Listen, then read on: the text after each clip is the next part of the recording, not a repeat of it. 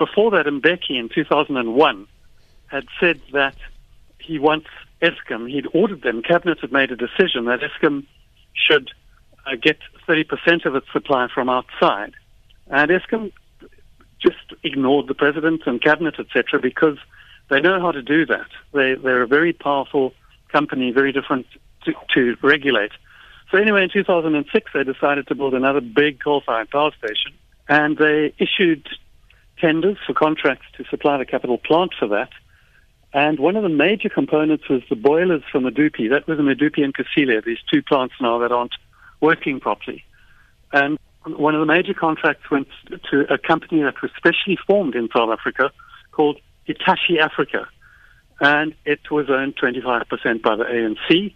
And if you look at the record of a case brought to a U.S. court by the U.S. Securities Exchange Commission, it's very clear that the contracts were given because of Hitachi's contacts with the ANC.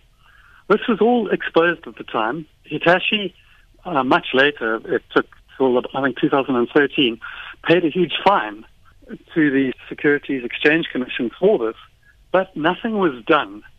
And then subsequently, Eskom, they spend these days about 50 billion rand on coal. Hy sê gooi dan by die resep korrupsie en jy sit met die probleme wat Eskom tans ervaar.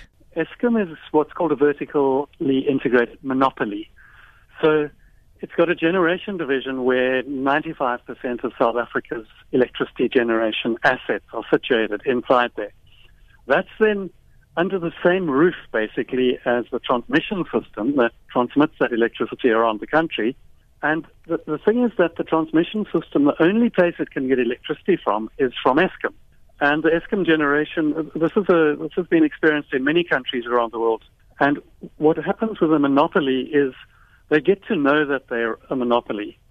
And if you can't govern them properly, if you can't put in governance structures uh, that regulate them from the outside and keep them honest and keep them efficient, then slowly they know that no matter what they do, they've still got their jobs, they get their money, and they get less and less efficient.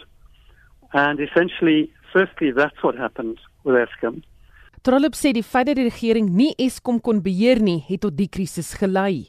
The existing old fleet of coal-fired plants, they're reaching the end of their design life.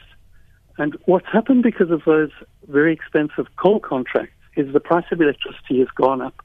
And also the Medupi and Kusile contracts, they've doubled, so the capital from the initial estimates. And the, the electricity price has gone up so much that electricity sales have started dropping off, and Eskom's got into this financial crisis.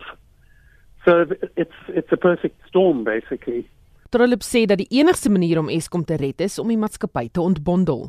So in that case what we have to do and this is what I was saying earlier if you can't make Eskom honest through top-down interventions what you can do is do exactly what has was suggested by Mbeki uh, was in the original energy policy white paper in 1998, but what we haven't been able to do, and that is that you separate the Eskom generation system from the transmission system.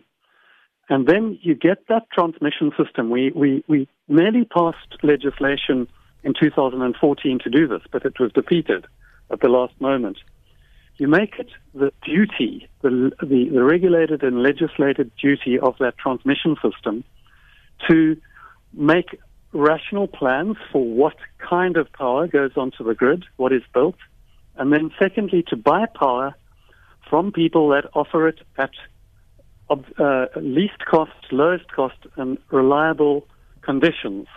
Eskom generation is not now in this monopoly position where it's the only place that anybody can get electricity from. Um, the transmission grid can get it from all kinds of places. And yes, if Eskom generation gets its act together, then we buy, we continue to buy most of our electricity from, from it.